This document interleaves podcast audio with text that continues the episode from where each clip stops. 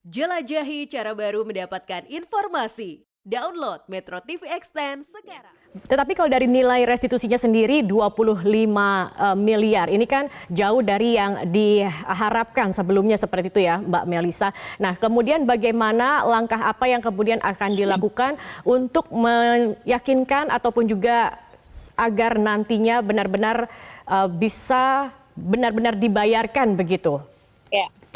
Jadi yang pertama terkait dengan restitusi saya rasa angka 25 miliar ini dalam sejarah di Indonesia adalah restitusi tertinggi. Tetapi dari yang dihitungkan oleh LPSK atas hak-haknya David Ozora ini kan 120 miliar tentu sangat jauh karena ada biaya proyeksi ke depan ini yang belum dihitungkan oleh hakim dan hakim menyampaikan tidak menutup kemungkinan untuk kami kuasa hukum atau anak korban mengajukan uh, gugatan uh, perbuatan melawan hukum dan lain sebagainya untuk ke depannya. Itulah yang menjadi pertimbangan majelis hakim tidak memberikan hukuman pengganti. Sebenarnya inilah yang diharapkan oleh keluarga korban ya, bahwa ketika dia tidak mampu untuk membayar ada hukuman pengganti. Tapi menurut kami cukup bijaksana juga yang disampaikan disampaikan majelis hakim, tetapi akan ada beberapa catatan yang nanti akan disampaikan di dalam proses hukum selanjutnya.